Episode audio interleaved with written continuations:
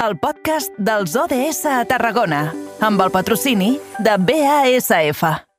The United Nations is an organization with goals of peace and sustainable development around the world. Their mission is huge, but we're breaking it down in two minutes. 17 sustainable... Les 6 de la tarda i 6 minuts, hora idònia per aturar-nos als estudis de BXC Ràdio, perquè allí tenim el nostre company, en Jonai González, a qui podem saludar un dia més. Jonai, bona tarda. Bona tarda, Edu.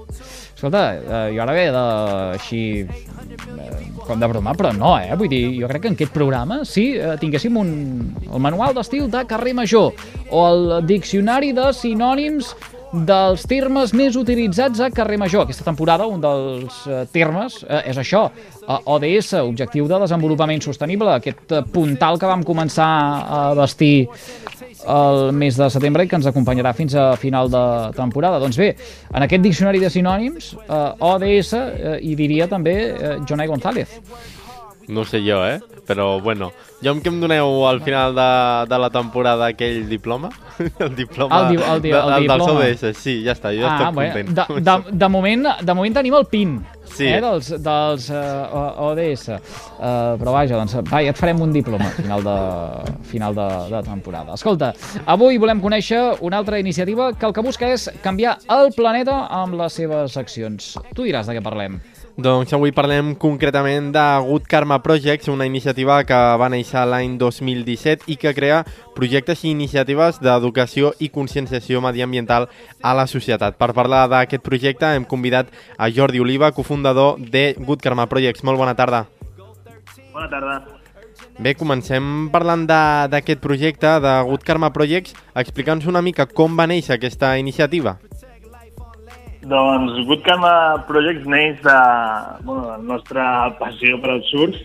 Eh, nosaltres, bueno, els dos fundadors d'organització, som bueno, surfistes enginyers que treballen dins de la indústria del surf i vam co- començar a organitzar recollides de platja a Salou després dels temporals, no? després de disfrutar eh, d'aquest medi que ens agrada tant, doncs veiem tota la, tota les deixalles marines que ens tornaven aquests temporals cap a les platges i vam decidir organitzar una primera neteja de platja.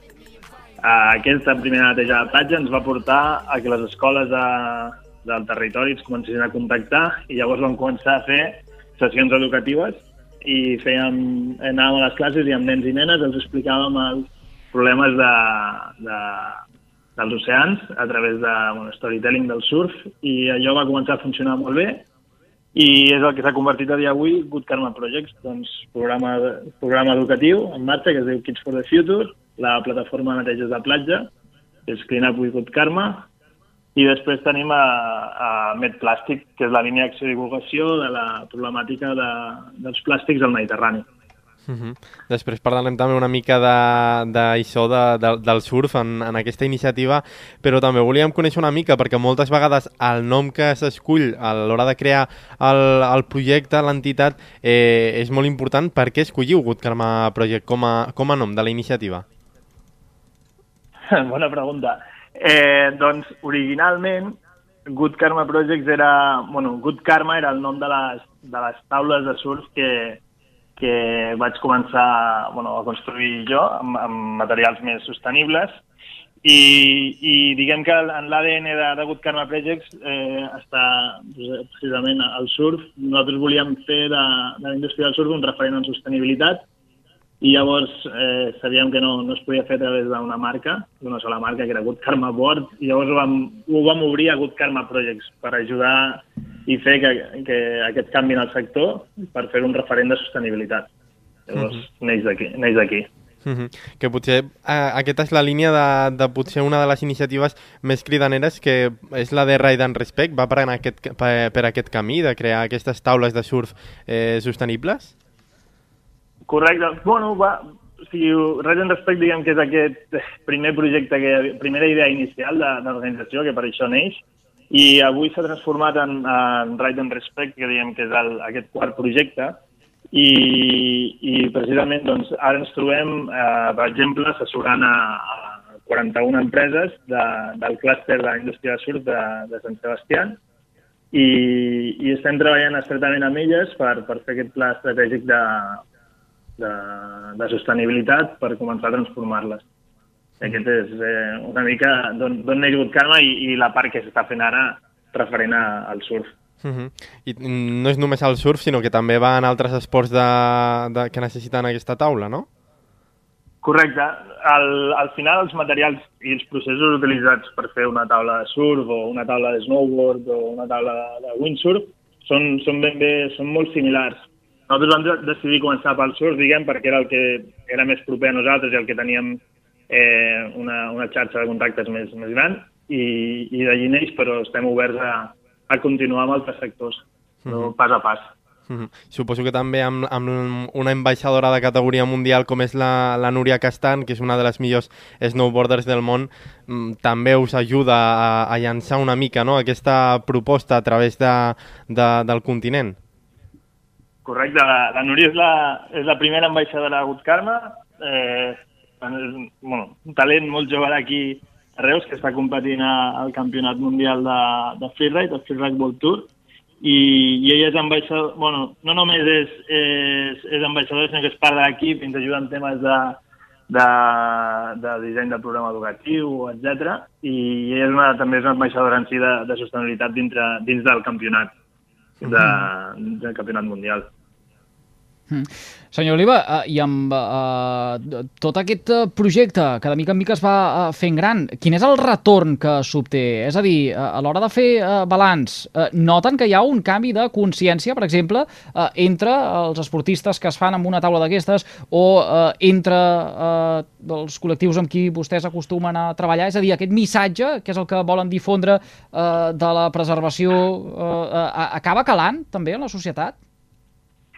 Uh, bueno, bona pregunta. Sí, dins, dels, dins de, diguem, dels usuaris, dels surfistes, és, diguem, més fàcil. O sigui, els surfistes, diguem, que tenim més proper eh, totes la, les problemàtiques ambientals que ens trobem a l'aigua. O sigui, la contaminació marina, per exemple, és literalment tu estàs sucat a dins de l'aigua i trobes eh, els plàstics que, que vulguis, o vull dir, és com més fàcil i és un sector que ens és més fàcil adreçar perquè, perquè doncs, bé, eh, capten el missatge molt ràpid i directament ja hem, ja hem trobat eh, nuclis d'acció que s'han implicat en, en, en promoure-ho i fer construccions més sostenibles. Tenim des dels campaments de surf on hem anat doncs, que han començat a, a provar aquests tipus de taules amb construccions més sostenibles.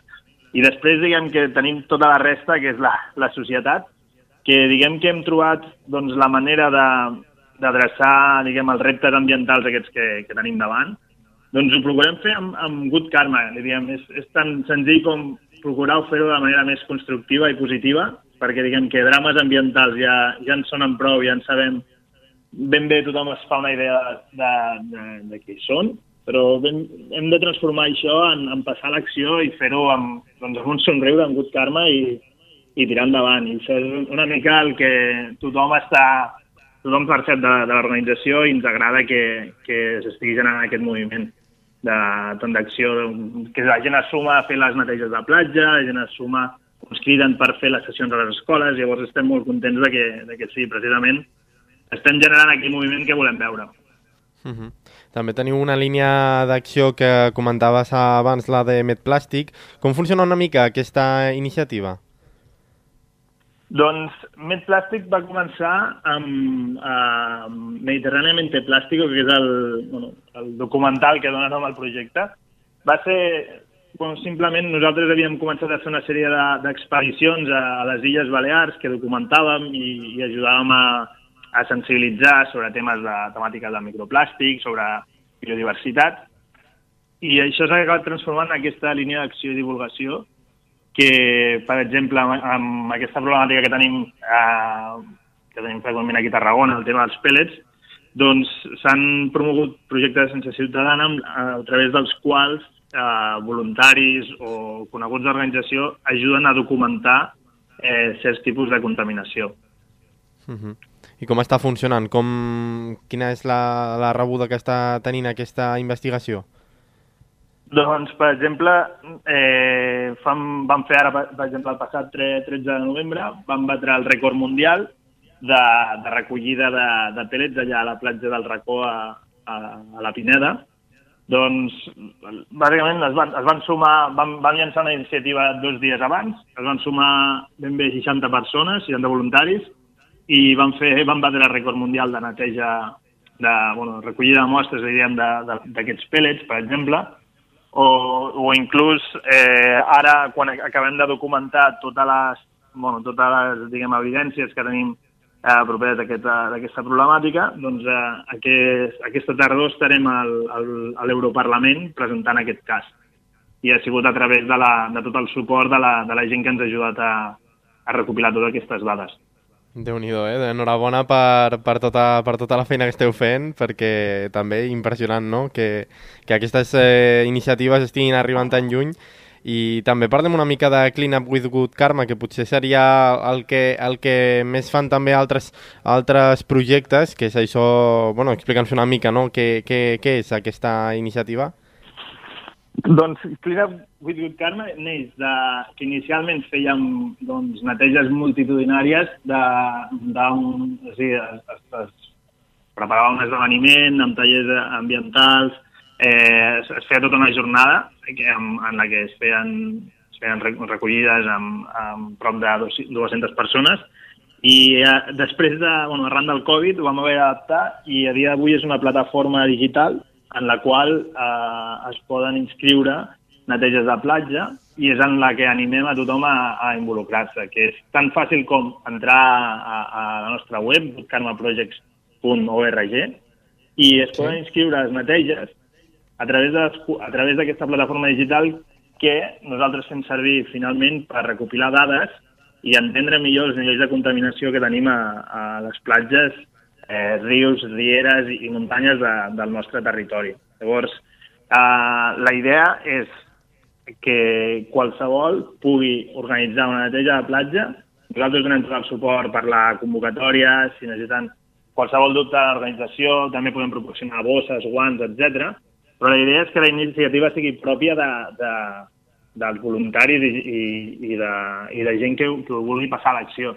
Llavors, eh, a l'acabar aquestes recollides es, eh, s'omplen uns formularis que ens ajuden a això, a anar fent créixer una base de dades que, per exemple, quan, quan es fa alguna acció específica en un municipi i detectem, per exemple, un punt d'acumulació, no, un, una deixeria, una, un punt d'abocament il·legal, per exemple, a, a través d'aquest formulari nosaltres ho podem eh, tramitar i passar a l'administració. Llavors ens ha servit ja per doncs, trobar o bueno, donar a conèixer diferents eh, contaminacions detectades. Mm -hmm.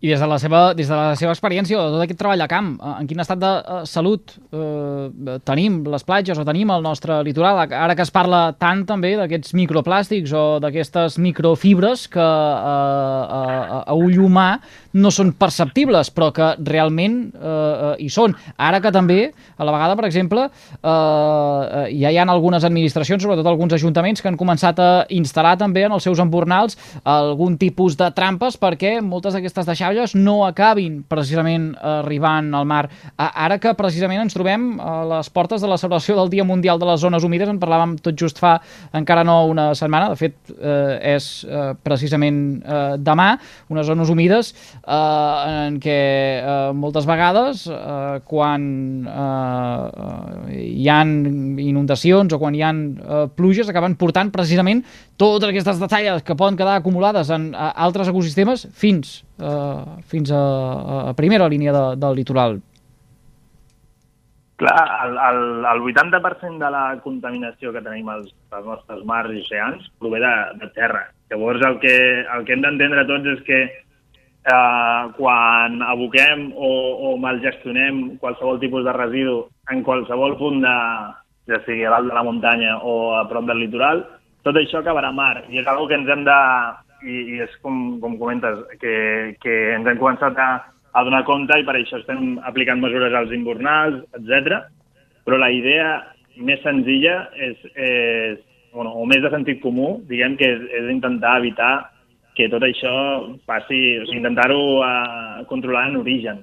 Llavors, no, no hauríem de, de deixar que, que els residus passin al medi perquè sabem del cert que com el cicle natural de l'aigua, vull dir, acabaran sempre acabaran aigües avall i acabaran al mar.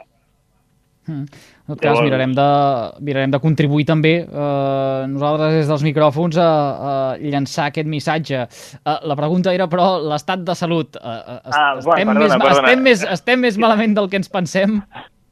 Eh, crec que eh, o sigui, no som conscients a dia d'avui perquè, per exemple, en aquest eh, tema microplàstics que comentes, ja estem començant a parlar de nanoplàstics, per exemple, que ja, ja bueno, són d'una altra, són d'una mida encara més, més, més diminuta i, i no som conscients encara o no sabem no, eh, l'impacte que això generarà en la biodiversitat eh, terrestre i marina.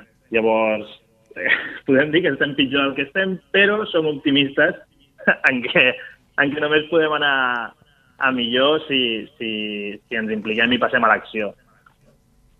Doncs uh, d'això es tracta, uh, a veure si entre tots fem un canvi de, de xip uh, i sobretot que l'optimisme no, no es perdi. Uh, uh, hi ha de ser, ens ha de seguir donant aquesta energia, ens ha de seguir impulsant cap a iniciatives com per exemple les de Good Karma Projects. Jordi Oliva, moltíssimes gràcies per compartir-ho avui amb tots nosaltres. Moltes gràcies a vosaltres.